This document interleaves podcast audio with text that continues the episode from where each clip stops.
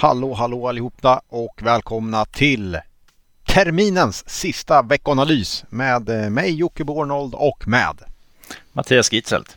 Och det här är lite försenat. Orkar vi dra historien eller ska vi bara konstatera att det var lite struligt? Det, det är alltid teknikstrul. Sen kan det vara andra fel egentligen, men det, det är teknikstrul. Teknikstrul, ja. ja. Eh, men eh, sent om sidor så kommer även denna veckas podd ut och det är den sista inför lite sommarledighet får jag väl säga. Exakt. Vi försöker minska spannet mellan poddarna helt enkelt. Ja, precis. Men vi kommer tillbaks i augusti igen, ungefär lagom till skolstarten så tänkte vi komma tillbaka också. Du, eh, ska vi hoppa rakt in eller vad säger du? Det blev lite, lite stök kring Feds räntebana förra veckan. Mm. Var det på grund av brist på andra nyheter eller var det, var ja. det någonting som man verkligen bör ta fasta på? Vad tycker du? Nej, men alltså fasta på det ska man ju definitivt göra. Det här är kanske bland det viktigaste vi har just nu, tänkte jag säga. Det är mm.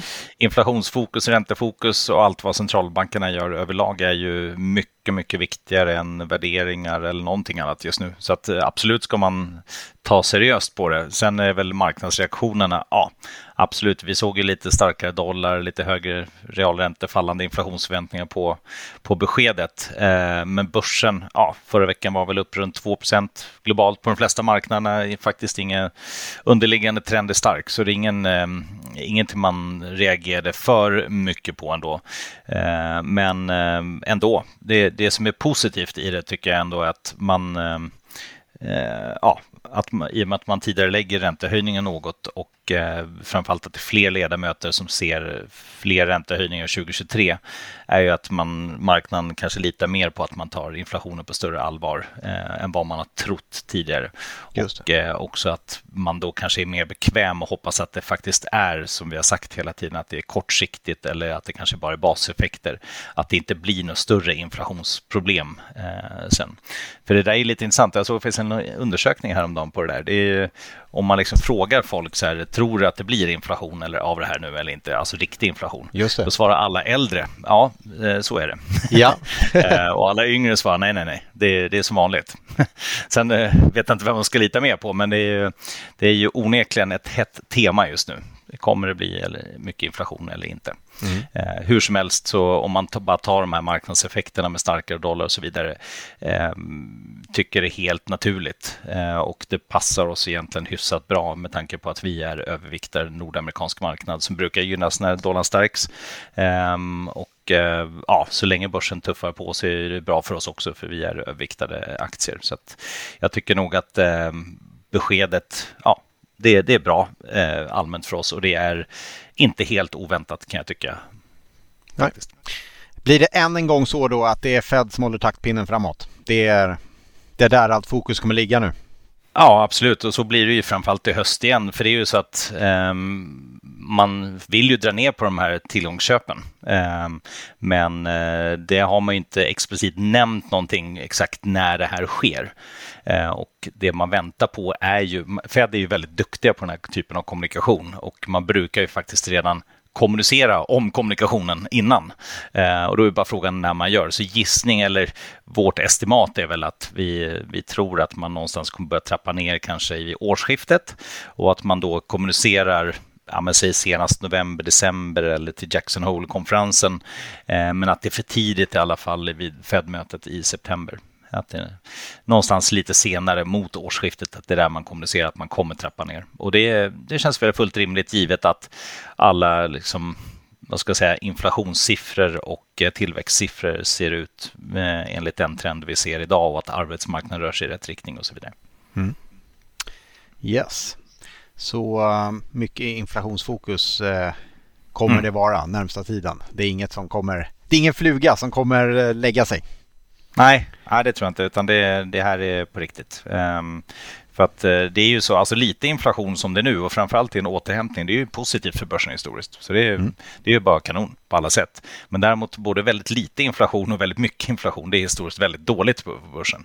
Så att uh, skulle vi få siffror som ligger på de här nivåerna nu kring 4-4,5 procent som vi faktiskt ligger på i USA, skulle det vara liksom det, att vi ser det över längre tid, ja då är det ju ett problem för börsen, absolut.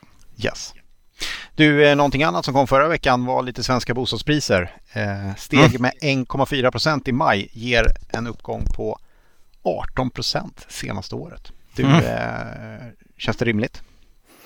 Ja, alltså givet eh, de låga räntorna och givet börsens utveckling så är det väl rimligt, absolut. Men eh, ser man det lite mer historiskt perspektiv, är det rimligt att det kan stiga 18 procent på ett år eller ha, eh, kan man ha det ihålligt till och med? Nej, det kan man inte, utan man brukar ju säga att fastigheter allmänt ska väl kanske stiga i linje med, med tillväxten. Och de har ju stigit bra mycket mer än så senaste åren. Så att, ja, det återstår, återstår att se om det här är ihålligt på lite sikt. Jag tycker kanske att det har gått lite fort, men det, mm ja, det, så är det. Det, det, som är fördelen ofta är ju att det kan ju vara så att vi har helt enkelt nått en, en ny nivå av priser och att det sen kanske sker inflation på annat håll men att priserna inte fortsätter på bostadsmarknaden och då har vi ju impliciten faktiskt en försvagning av bostadsmarknaden. Just det. Ehm, och det, det är väl kanske ett, ett rimligt scenario som inte är en, en slags krasch på bostadsmarknaden men där det kanske inte stiger i samma takt. Just det. Eh, det är eh, tisdag eh, när vi spelar in det här och igår så var jag i Värmland och i Kristinehamn och där kan man konstatera att där byggs det ju nya villor, bostäder på ett sätt som det inte har gjort på många, många år. Och det är ändå någonting positivt med den här uppgången som har varit nu i flera år på villa och bostäder. Det pekas ofta ut som någonting negativt kanske, att det blir dyrt. Men det gör också att det faktiskt är värt att producera bostadspriser utanför storstadsområdena. Och det, det kommer ändå lite positiva saker kring det här. Eh, så jag är inte helt helt negativ till den utvecklingen. Det, Nej, på, vissa, på vissa ställen så är det, eh, är det faktiskt positivt medan det kanske skapar överhettning framförallt i storstäderna. Ja, verkligen. Och sen kanske det har varit alltså, delvis lite fel ibland att man kanske bara byggt liksom, exklusiva lägenheter i hamnen mm. eh, i mindre städer. Eh, ja. Och det har varit ganska dyrt. Man behöver bygga alla typer av bostäder. Men att det byggs i andra ställen än, än Stockholm, Göteborg, Malmö, det är ju väldigt bra. Det är trångt och det blir liksom inte effektivt. Och framförallt nu med digitaliseringen och alla ja, eh, möten man kan ta från hemmakontoret så är det ju bara jättebra på alla sätt om det, om det inte bara är en massa inflyttning till Stockholm. Och den senaste statistiken säger ju faktiskt att det netto är snarare ut ur Stockholm. Du, förra veckan, finansiella marknader. Eh, ja, det var mycket som vi har sagt. Eh, fokus på Fed. Det är en period där vi har ganska lite bolagsspecifika eh, nyheter som kommer. Eh, väldigt begränsat och det väl vara så fram till mitten av juli då det kommer rapportperiod igen. Däremot är det lite stökigt i, i eh, den politiska arenan. Eh, mm. Vem vet, man kanske får gå till valurnorna eh, vad det lider under hösten här. Eh, och då får man ju förstås självklart eh, frågan hur påverkar det där börsen? Och det kan jag ju svara på en gång, ja inte alls. Eh, det är en politisk kris kanske, eller ett politiskt kaos. Men, men eh, nej, det påverkar inte statsapparat eller samhället eller eh, på något sätt egentligen. Jag, jag, tror att det här kommer man ta med en axelryckning faktiskt och hittills ser det ut som man gör det också. Jag vet inte om mm. du har någon annan åsikt? Nej, jag håller helt med. Alltså det är ju till och med allmänt så ett vanligt svenskt val. Visst kan det ibland finnas inslag som påverkar våra börsbolag i viss utsträckning, men totalt sett så har de ju en stor grad eh, av internationell exponering och en koppling till, till andra marknader än Sverige, eh, vilket gör att det är, det är så många faktorer som påverkar och eh, inte minst valutor och annat. Och det, ja, det blir en begränsad effekt och till och med faktiskt när man tittar på stora politiska val, amerikanska valet, om man tittar historiskt, det är inte så jätte jättehög, eh, stora rörelser på valdagen och så vidare. Det har varit det några gånger självklart, men eh, det, det är ofta det missbedöms. Eh, mm. Och naturligtvis som när Trump till exempel valdes så, så var det lite oro initialt, men sen till exempel när, när stora skattelättnader kom, ja då var det ju mm. självklart, då kom ju marknadsaktörerna tillbaka till vanliga, att det här är ju faktiskt tillväxtvänligt och då ska börsen upp. Så att ja, visst har det ibland en påverkan, men ganska sällan. Mm. Och man ska också lägga till faktiskt att eh, förr i tiden så var det mycket mer beroende på sån här nationell eh, politik, alltså i Sverige till exempel, där vi hade inte alls samma internationell exponering i bolagen. Då, då har man självklart haft en, en större sån påverkan. Är det någon makrostatistik man ska ha koll på under, under veckan som kommer här? Det är redan det är redan tisdag när vi spelar in det här så att eh, ja, det kan Mm. kanske redan ha gått. Men är det någonting du tycker att eh, det här, det här ska man ha fokus på? Ja, men när våra lyssnare lyssnar då, då kommer ju till exempel preliminära inköpschefsindex på onsdag. Då. Eh, och det kommer för en rad länder i Europa, det kommer från USA. Eh, och sen så har vi väl i övrigt eh, ganska mycket bostadsstatistik, prisutveckling, medianpriser, försäljningsutveckling för befintliga bostäder och nya bostäder i USA. Ehm, och eh, även nyproduktion av framförallt småhus kommer i Sverige. Vi har IFO-index i Tyskland som ju mäter affärsklimatet, väntas stiga en del. Och vi har också amerikansk inflationsstatistik och amerikansk konsumentförtroendemätning. Det är två stora mätningar och det här kommer från Michigan universitetet Då. Väntas stiga det också. Så egentligen bra, bra siffror, ja, åtminstone i förväntansbilden. Mm.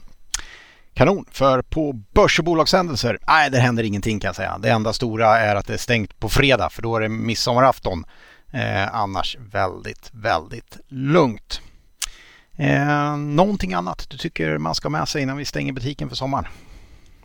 Ja, men man, om man bara tittar lite mer så här långsiktig bild, vad ska driva börsen nu när ja, vi har sommar och det kommer i och för sig en rapportsäsong och så vidare. Men jag tittar lite på flöden Mm. eh, häromdagen, lite statistik och bland annat så kommer det en Fed-rapport som har gjorts sedan eh, ja, ganska lång tid tillbaka, gjorts ungefär 30 år, där man då tittar just på hur det ser ut med allokering mot aktier eh, i då bland annat hushåll, företag, fonder, institutionella, eller in, ja, institutionella och internationella investerare, pensionsfonder och så vidare. Och den eh, börjar vi nå rekordnivå på snart här. Vi är uppe i 49 procent mot aktier då. Det är den 96 percentilen sedan 1990. Och det är ju faktiskt också, det finns en rad annan sån här statistik på hur man är exponerad. Eh, och det är ju både Eh, aktiefonder som har högsta inflöde sedan 2007, hedgefonder som har jättehög exponering mot aktier. Eh, det är många som har investerat i aktier. Samtidigt ska man också komma ihåg att eh, den här trenden fortsätter aktiv till passiv förvaltning, eh, vilket gör att en del aktiefonder faktiskt säljer av. Eh, vi har inflöden via företag som har rekordhög nivå av annonserade återköp. Där har vi något positivt. Vi har rekordkassor bland hushållen, Ehm, så där kan man förvänta sig fortsatt flöde. Ehm, så det är, ja, vad ska man säga sammanlagt? Det finns fortfarande mycket kapital som ska in, men det är också väldigt mycket som redan har. Alltså tittar man den historiska exponeringen så är den redan relativt hög. Ehm, så att egentligen inga direkta slutsatser av det mer än att det finns mer att investera på aktier, men det är redan på nivå som ändå, ja, skulle säga är ganska hög i snitt då. Just det. Ja, spännande.